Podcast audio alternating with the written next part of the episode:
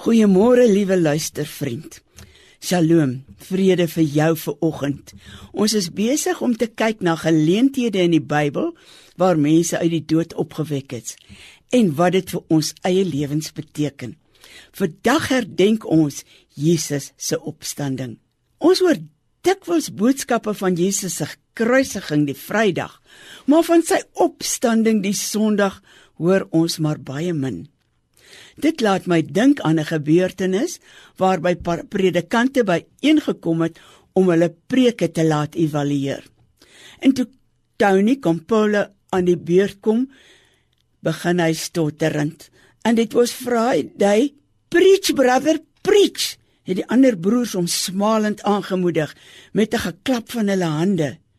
And and it was Friday. Stammer Tony weer. Preach brother, preach. Hou die manne vol.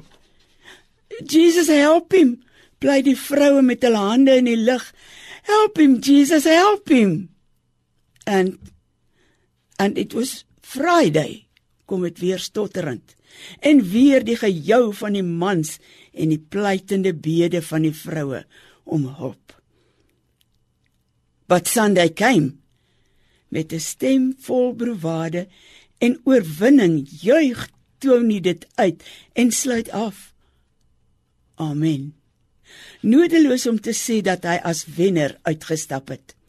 Voel dit vir jou ook asof dit ewig Vrydag in jou lewe gaan wees. Alles waarvoor jy geleef het het in mekaar getuimel. Jy ken self jou omstandighede. En is moontlik dat jy ook vandag voel dis Vrydag. Vrydag in jou lewe en nou is jy moedeloos. Dit voel vir jou asof dit altyd donker sal bly. Maar dit voel net so. Die oorwinning is behaal. But Sunday came. Sondag het gekom. Lewe oorwinningslewe ten spyte van die donkertes. Voel hoe hy jou aan sy bors vasdruk. Hoor sy hart warm vir jou klop as hy vir jou sê: "My kind, ek het in jou plek gesterwe, maar ook vir jou opgestaan. Ons is dus nie net van ons sondes verlos nie, maar ons het ook die opstandingskrag in ons." Die laaste woorde van 'n opgestane heiland was 'n seën.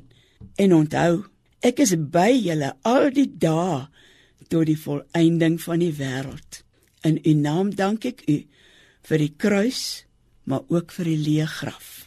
Amen.